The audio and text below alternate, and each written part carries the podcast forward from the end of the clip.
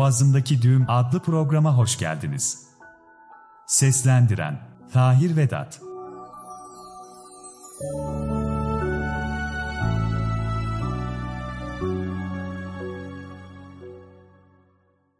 Efendim merhabalar ben Tahir Vedat. Boğazındaki Düğüm adlı programa hoş geldiniz. Uzun zamandır yapmak istediğim bir podcast yayınıydı. Belli başlı sebeplerden dolayı bu yayınlara başlayamadık. Tahminimce Şubat ayının başıydı bu podcast'e başlama niyetimin olduğu vakit. Lakin en başta depremden dolayı yani ruh halim hakikaten bir türlü bu yayın yapacak enerjiyi maalesef bulamadı. Yani depremden eğer konuşacak olursak konuşmamız gereken çok şeyler var. Böyle bir sevinç, böyle bir mutluluk maalesef yok. Yani benim asıl mesleğim özellikle inşaat mühendisi olduğu için daha çok içim yanıyor gerçekten. Yani bir depremden dolayı bir bina en fazla tabii e, geçmiş yıllardaki ivmesine bakılır, şart, şartlarına bakılır, temel yapısına bakılır vesaire. Çok kriterler var. Yani bir bina yapmak kolay bir şey değil. Gerçekten profesyonellik ister. 60 tane kriter varsa bir bina yaparken bazen bir tanesini bile yapmazsanız bir bina yıkılabilir gerçekten. Yani ama bu, bu büyüklükte bir deprem asla asla yıkmamalıydı. Hepimizi ağlatan, gözyaşlarına boğan bir durumdu gerçekten. Yani özellikle aile çevresi, deprem bölgesinde yaşayan insanların, benim gibi mesela. Yani unutamayacağımız bir olay. Bunun sorumlusu olan gerçekten çok insan var. Yani ben şuna inanıyorum. Mesela hakiki adalet hiçbir zaman olmadı ve olmayacak. Yani şu dünyada e, kesinlikle böyle bir şey olmayacak ama Öbür dünyada, ahirette bunun hesabı tek tek, tek tek böyle ince ince herkesten sorulacak. Yani bir de benim şimdi böyle bir şey yorum yapmak doğru mu bilmiyorum ama bir musibet geldiği zaman insanlar ikiye ayrılıyor. Mesela bir taraf sancı çekiyor, ağlıyor, yardımına koşuyor, hayır işliyor bir taraf çalarken bir taraf yardım ediyor mesela. Hani bir musibet geldiği zaman e, bir bir kısım oh ohlarken bir kısım vah vahlıyor. Yani bir kısım çalar aşağılar yetmez bir de oluyor yani. Cenab-ı Hak insanları e, şeye sevk ediyor. Hayır hasenata sevk ediyor. Ama bir taraftan da bakıyorsun insanlar bu durumdan yani ne kazanabilirim, nasıl kar elde edebilirim diye bakıyor. Bir kısım evini bedavaya açarken depremzedelere bir kısım kiralar yükseltiyor gibi gibi. Yani benim özellikle aklıma gelen noktalardan bir tanesiydi. Yani bir insan da mesela bu dünya imtihan olarak gönderildiği zaman mertebeler ortaya çıkıyor. Yani bir kısım öbür dünya için ne taşırım yanında derken diğer bir kısım bu dünyada şeyi gözetmeksizin helal haram gözetmeksizin ne kazanabilirim cebime acaba ne atabilirim diye düşünüyor tabii. Böyle insanlar da var ne yapalım. Yani mevzu aslında deprem değil ama bunu kesinlikle et, e, söylemeden geçemeyeceğim. Neticede neticede bu programın adı Boğazımdaki Düğüm. Özellikle benim kendim söylemek istediğim, içimde kalmaması gereken durumları ifade etmek özellikle. Yani bir sebebi bu. E, tabii detayına, program detayına ineceğim ama depremden bahsetmeden kesinlikle geçmeyeceğim. Yani bazen düşünüyorum ben mesela depremden dolayı giden insanlar kurtuldular ama kalanlar ma- maalesef büyük bir imtihan içerisindeler. Yani benim ailem Malatya Adıyaman çevresinde yani arkadaş çevrem tamamı o tarafta yaşıyor. Yani ben depremden sonra o bölgeye gidip binaları inceleyince gerçekten içim kan ağladı. Ya içler acısı bir durum ya. İnşallah bir gün düzelecek. Yani bir de burada sadece e, yöneticilerden bahsetmiyorum. Yani herkes ama herkes kendine bir pay alması lazım. Mesela çevremizde akrabalarımızın belli paralar ödeyerek ekstra kat çıkma mevzusu mesela. Kaçımız buna karşı çıktık? E, başka bir örnek vereceğim. İnşaatta çalışan işçiyiz örneğin. Yani ben sadece işçiyim diyebilir insan ama sustun yani insan konuşabilir sadece. Sustuk hepimiz sustuk bu durumlara. Yani mesela neden bu demirleri kullanıyoruz diye kimse sormuyor. Neden mühendis gerçekten tam bir mühendis değil? Veya hani neden yönetici olan insanlar, idare kısmındaki insanlar bu tarz önlemleri almadı. Alan insanları görüyoruz. Gerçekten hepsine teşekkür ediyorum bir bir. Alan insanların o bölgede depremi daha az hissettirdiğini ve hatta bir hiçbir binanın yıkılmadığına şahit oluyoruz yani. Demek ki mümkün. Yani bazen diyorum ki doğruluk için bu çok önemli. Yani doğru için, hak için ölümü tahkir etmek gerek. Yani doğru için ölümü hakir görmek. Varsın cebine az para girsin yani ne olmuş. Varsın insanlar seni kovsun. Varsın insanlar arkandan konuşsun konuşsun yani.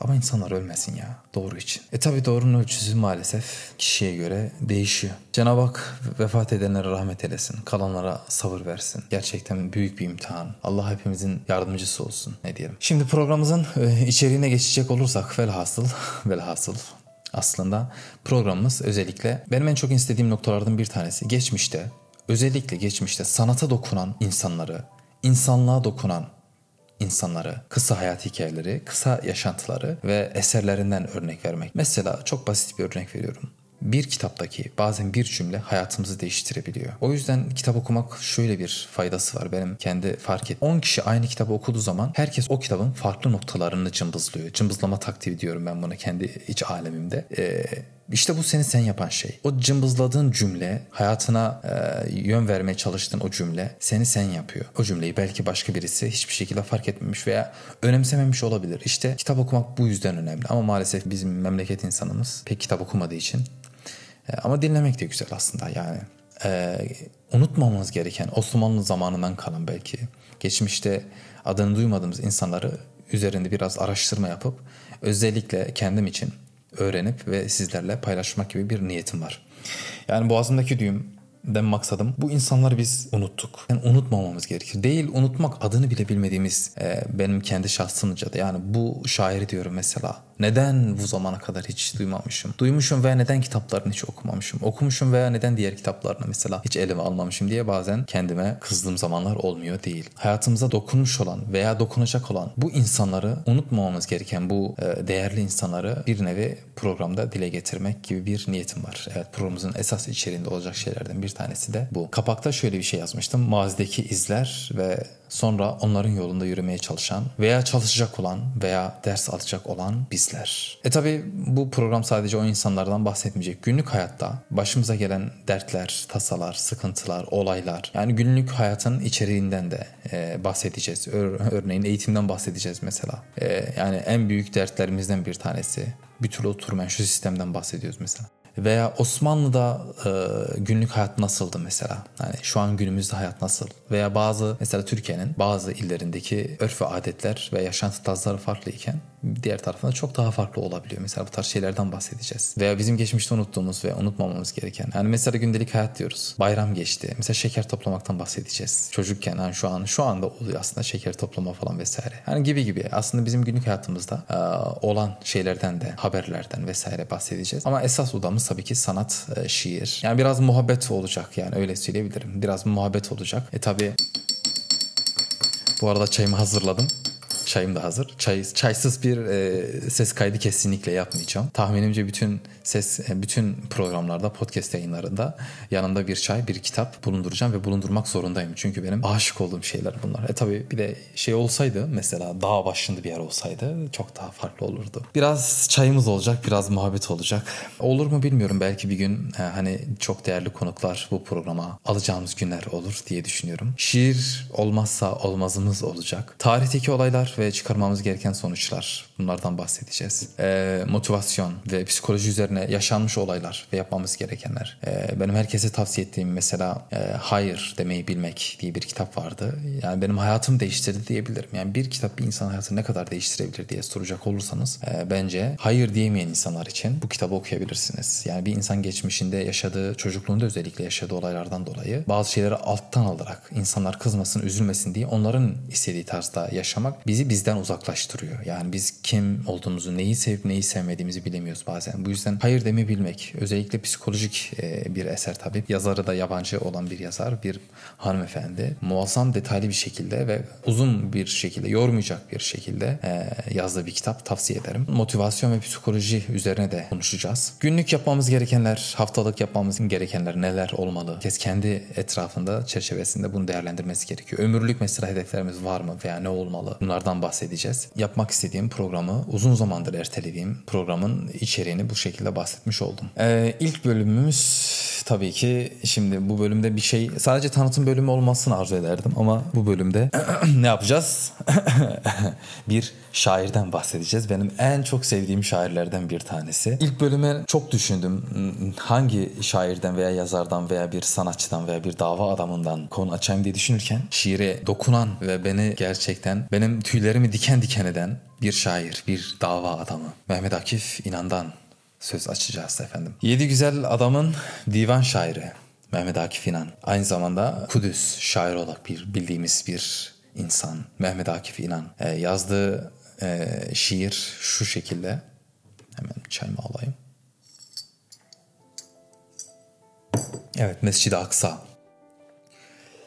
Mescid-i Aksa'yı gördüm düşünde. Yani Mescid-i Aksa şiiri en çok meşhur olan insanların bildiği şiirler. Ee, bazen böyle videolarına falan denk geliyorum. Mescid-i Aksa şiirini insanlar çok güzel bir şekilde okuyorlar. Mescid-i Aksa'yı gördüm düşünde. Bir çocuk gibiydi ve ağlıyordu. Varıp eşiğine alnımı koydum. Sanki bir yeraltı nehir çağlıyordu. Gözlerim yollarda bekler dururum. Nerede kardeşlerim diyordu bir ses.'' İlk kıblesi benim ulu nebinin. Unuttu mu bunu acaba herkes? Burak dolanırdı yörelerimde. Miraca yol veren hız üstüydüm. Bellidir kutsallığım şehir ismimden. Her yana nur saçan bir kürsüydüm. Hani o günler ki binlerce mümin tek yürek halinde bana koşardı. Hem şehrim nebiler yüzü hürmetine cevaba erişen dualar vardı. Şimdi kimsecikler varmaz yanıma.'' Müminde yoksunum, tek ve tenhayım. Rüzgarlar silemez gözyaşlarımı. Çöllerde kayıp bir yetim bahayım. Mescid-i Aksa'yı gördüm düşümde. Götür Müslümana selam diyordu. Dayanamıyorum bu ayrılığa. Kucaklasın beni İslam diyordu Mehmet Akif İnan. Yani ne kadar güzel değil mi? Hem bizim derdimizi hem alemi İslam'ın bir derdini ifade eden ee, çok güzel bir şiir. Şimdi saymak istiyorum. Bir dakika. 1, 2, 3, 4, 5, 6, 7, 8, 9, 10, 11. Evet gördüğüm gibi burada da e, Mehmet Akif İnan bütün 11'li hece ölçüsüyle yazmış bulunuyor. Hakeza bu şiirde de bir tanesine daha bakacağım. Varıp eşiğine anlamı koydum. Evet 11'li hece ölçüsü. Mehmet Akif İnan. Yani bu ismi tekrar tekrar anmak istiyorum. Neden? Yani gerçekten unutmamamız gereken bir şair. Her bir mısrayı az önce söylediğim bahsettiğim gibi 11 tek taş heceyle örer. Mehmet Akif İnan, hakkı çekinmeden ifade eden bir öğretmen. Bir baba, aynı zamanda bir dost. Günlerce konuşmamıştı mesela. Cahit Zarifoğlu bu diyarları terk ettiğinde. Ya, kitaba ve kitapla aşık bir öğretici, bir karakter, bir abi. Yani herhalde bildiğim kadarıyla evinin bir odası dört dört duvarı da tamamen kitaplıkla çevrili olan bir şair. Kitap okumayı çok sever. Sevgi ve saygı ve heybet abidesi Mehmet Akif İnan. Maddiyata hiç önem vermeyen bir sendika adamı. Yani sendikadan kastım eğitim bir sen ve memur seni kuran adam. Kendini buna adayan adam. Ve hatta ilk zamanlarında e, kiraladığı yerde işte giderleri kendi cebinden karşılayan bir adam. Yani belki de eğer Mehmet Akif İnan şu günlerde şu günleri görseydi eğitim bir sene ve memur sen ne kadar büyüdüğünü görseydi kim bilir ne kadar sevinirdi. Ya amacı zaten davası mazlumun yanında olmak, hak taraftarı olmak. İşte bu yüzden e, bu şairi çok seviyorum. Bir harf için ben buna e, yani bütün zerrelerime madedince imzamı mührümü basıyorum. Neden diyeceksiniz? Yani bir harf için bir hafta düşünen bir şair e, bir mısrasını bir hafta boyunca düşündüğüm oldu. Bunu niçin yazmış mesela? Ama niçin yazdığını kendimce, kendi alemimce anlayınca böyle tüylerim yani tüylerim diken diken, diken diken eden e, ender ender şairlerden bir tanesi. Saatlerce daktilo başında ve dikkatli bir şekilde az ve öz şiirler yazmıştır. Benim belki şikayet e, şikayet edeceğim. Yani keşke yaşamış olsa e, diyecektim ki yani derdim ki neden bu kadar az şiir yazdın? Yani az ve öz şiirler yazmış ama keşke biraz daha fazla yazsaydın. Hani doyum olmuyor öyle o, o şekilde ifade edebilirim yani. Az ve öz şiirler yazmıştır. Evet Mehmet Akif İnan ne derdi? Şiir kabiliyettir. Şiir ma- maharettir derdi. Aynı zamanda Necip Fazıl ile bir dergidaş. Hani bu tabir böyle bir tabir var mı yok mu bilmiyorum ama söyleyesim geldi. E, dergidaş yani beraber dergi çıkar, çıkarmışlar. Necip Fazıl Kısakürek ile birlikte.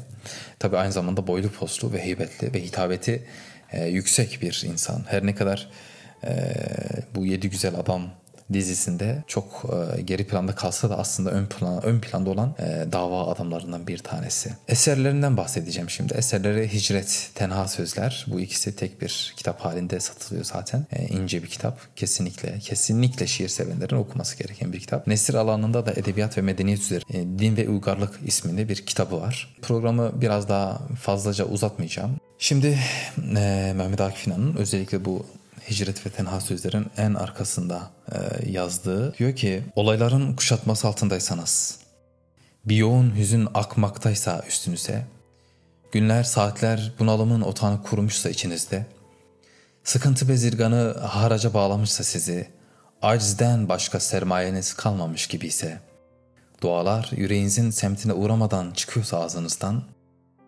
kendi sesiniz bile yabancı düşüyorsa kulaklarınıza şiir okumalısınız. Ya da gülen oynatan sevinçlerin avucunda tutsak olmuşsanız, nefsin elinde oynayan bir talimli maymuna dönmüşseniz, başkalarının acısı size çarptığında bir lastik top misali geriye sıçrıyorsa, hiçbir oyuk oluşturmuyorsa içinizde hüzün, günübirlik ha yuhuyun düşüncesinde nefesleniyorsanız, öte yandan öte dünyada hesaba çekilmek gerçeği fantezi hanenizde konuklanmışsa, şiir okumalısınız. Şiir dengeler insanı. Tüm sivrilikleri, abartmaları törpüleyen, düzenleyen şiirdir. İfrat ve tefritin meddü cezirleri hayır vasatına şiirle girer. Hayrın vasatında temkin üzreyseniz yine de gereklidir size şiir. Çünkü halinizi tekamül ettirmek, yeteneklerinizi geliştirmek baş ödevinizdir.'' Şiir hikmet erbaplarının refikidir. Şiir mensuplarının arkadaş olmuştur diye devam ediyor. Ben bunu ilk okuduğum zaman çok etkilenmiştim gerçekten. Şiir okumalı bir insan. Hiç anlamasa bile okumalı bir insan. Şu an elimde bir şiir kitabı var. Mehmet Akif İnan'a ait bir e, bahsettiğim Hicret ve Tenha Sözler adlı kitap. Şimdi kitabı kitabın sayfalarının sesini de bence duymanız gerekiyor. Bu yüzden biraz kitap sayfa sesi çıkaracağım şimdi. Evet. Kitabın başında ben mesela bu kitabı okuyup bitirdikten sonra hani bir defa iki defa böyle bazen oturup tek seferde bitirdiğim zamanlar olmuştur. Ee, kitabın en başında mesela anneme yazıyormuş. Ben bunu çok çok geç fark ettim ve bir daha okudum. Tüylerim tekrardan diken diken oldu. Şimdi bu kitabın sayfalarını kurcalarken böyle altını çizdiğim e, hoşuma giden bazı beyitler var. Yani ezberlemem gereken bazı beyitler. Bitirip şu kuru kara ekmeği göçsem, göç etsem diyorum. Göç etsem diyorum yar ellerine. Sen attın bilmeden kuyuya taşı, dinemez yankısı mahşerde bile. Yani bu cümle o kadar böyle oturup düşündüğünüz zaman sen attın bilmeden kuyuya taşı, dinemez yankısı mahşerde bile. Yani öyle bir etki bıraktın ki bende alemimde öyle bir kuyu açtın ki bir taş atsan belki ebeden bitmeyecek bir sestir diyor mesela. Ne kadar ne kadar muhteşem. Her akşam bir düşte kundaklanırım, sözümün bittiği yerde başlarsın. Yaslam, yaslasam gövdemi karlı dağlara, sonsuz bir uykuya kavuşsam bir gün. Ne kadar, ne kadar güzel değil mi? Yani Mesela Ey Beyaz Ela adlı bir şiir var. Ee, bunu başından almak lazım bir on yıl öncesi uzakta diye bu yanlış düzeni sürdürmek neden? Sanma mesafeler koparır beni ve yıllar eskitir birliğimizi. Bir gecelik uyku gibidir zaman. Yıllarca sürse de ayrılığımız. Her biri 11'lik hece ölçüsü yazılmış bu kitaptaki bütün şiirler muazzam yani hakikaten. Zaman kelimesini özellikle bu kitapta çok güzel kullanıyor. Şimdi bütün vakitlerim sana ayarlı, iste hesabını rüyalarımın, yokluğun içimde duvarlar örer, nasıl kan toplanır gülüşlerinde diye. Mesela zaman zaman şiiri var. Şu cümleyi ben uzun bir süre çağ kurtarmanın eyle bir eylemidir. Çağ dışı görünen ilgimiz bizim. Mesela Alaaddin Özdenören'in bir e, yazdığı bir şiir vardı. Evinde oturup kitap okumak bir davayı gütmektir diye anladım ben o şiiri, o, o yazısından. Yani insanları etkilemek için dışarı çıkıp milyonlarca insanı bir araya getirmek bir e, parlak bir şey gör, gör, gözükebilir. E, belki de olması lazımdır ama e, ondan daha etkili bir şey yazı yazmak, kitap okumak mesela. Yani 3-5 insan oturup kitap okuyor, yazı yazıyor gibi gözükebilir ama bu çağ, çağ kurtarmanın bir eylemidir. Çağ dışı görünen ilgimiz bizim.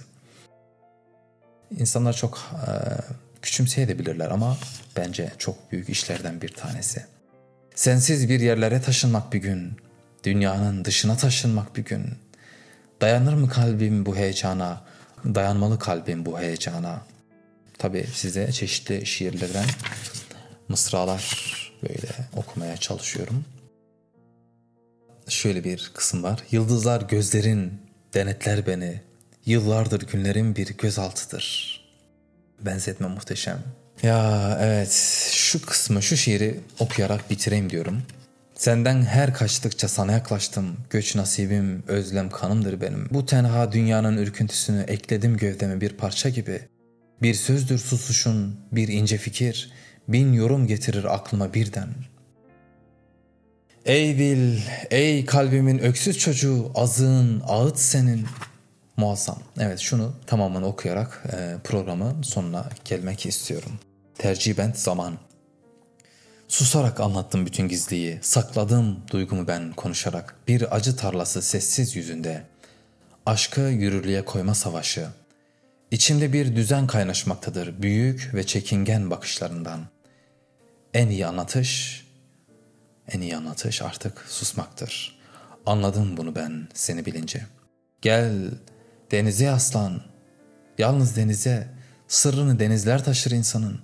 Zaman bir hızdır ve yıldızdır akan, esneyen günler ve gece üstünden. Bir uyku bölmezse anılarımı, korkarım çıldırtır bu hayal beni. Gözlerin ne kadar İstanbul öyle, sebiller uçuşur parmaklarında, ortak günlerimiz tarih şöleni, saçlarında sayfa sayfa güneşi. İçimde bir sergi var portrelerin, hayalim her yerde kavrar gölgeni. Aşka ve tabiata ulaştır bizi. Gel kurtar bu şehrin gürültüsünden. Terk etmen olursun bir eşya gibi. Ölümsüz bir hasret yaşarken bende. Ha, ha, vurulmuş bir geyiktir sensiz, vurulmuş geyiktir sensiz zamanlar. İçimin ormanı bir yangın yeri. Az önce mesela vurulmuş bir geyiktir dedim. Biri tekrardan yani yanlışlıkla söyledim, kaldırdım. O biri eklersem o bu mısra 12 olacak. Bunu bozmak istemiyorum işte. Vurulmuş geyiktir sensiz zamanlar. İçimin ormanı bir yangın yeri. Bir uyku bölmezse anılarımı korkarım çıldırtır bu hayal beni. Istırap varoluş şartımız oldu. Varoluşumuzun şartı ıstırap diyor. Ne kadar tatlı, ne kadar doğru. Bizi biz yapan şey çektiğimiz çileler, acılar. Yani bizi güçlendiren, eğer sen öldürmüyorsa değil mi? Esef etme yasım karaymış diye. Bir yanım vahşidir, ürkütür seni, aykırı düşerim suh çülüğüne. Bir gün deli gibi sarsarak seni, göklerin yolunu sorabilirim. Başımı taşlara vurabilirim, aklımdan çıkarsa anılarımız. Yani eğer bir gün unutursam seni, bu başı taşlara vurmam gerekir diyor. Param parçayım, gel sen onar beni. Topla aynalardan eski gölgemi, göçebe ömrümü bağla zamana, dağılsın içimin karıncaları. Bir uyku bölmez sanlarımı, Korkarım çıldırtır bu hayal beni. Evet çok var bu, bu şekilde şiirler. Eğer onu bulabilir miyim bilmiyorum. Peygamber Efendimiz Aleyhisselatü Vesselam için yazdığı bir şiir var. Ben o şiiri okuduğum zaman e, gerçekten büyük bir kitap okuyormuş gibi hissettim. Çünkü olayları bir mısrada derç etmiş. Muazzamdı. Cümlenin en sonu bu şekilde bitiyor. Olağanüstülerin en sonu. Gözlerin uyur da kalbin uymaz sevgili gönlünden çıkmıyor diye. Evet, evet arkadaşlar. E, beni dinlediğiniz için çok e, teşekkür ederim. Bundan sonraki programlarımız e, yine bu saatte, saat 10'da devam edecek. İkinci bölüm Cemil Meriç'ten bahsedeceğiz. Evet, Allah'a emanet olun. Tekrardan görüşmek dileğiyle. Selametle kalın, sağlıcakla kalın ve selam.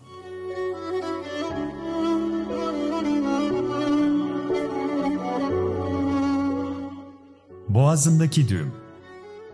Seslendiren Tahir Vedat. Dinlediğiniz için teşekkür ederiz.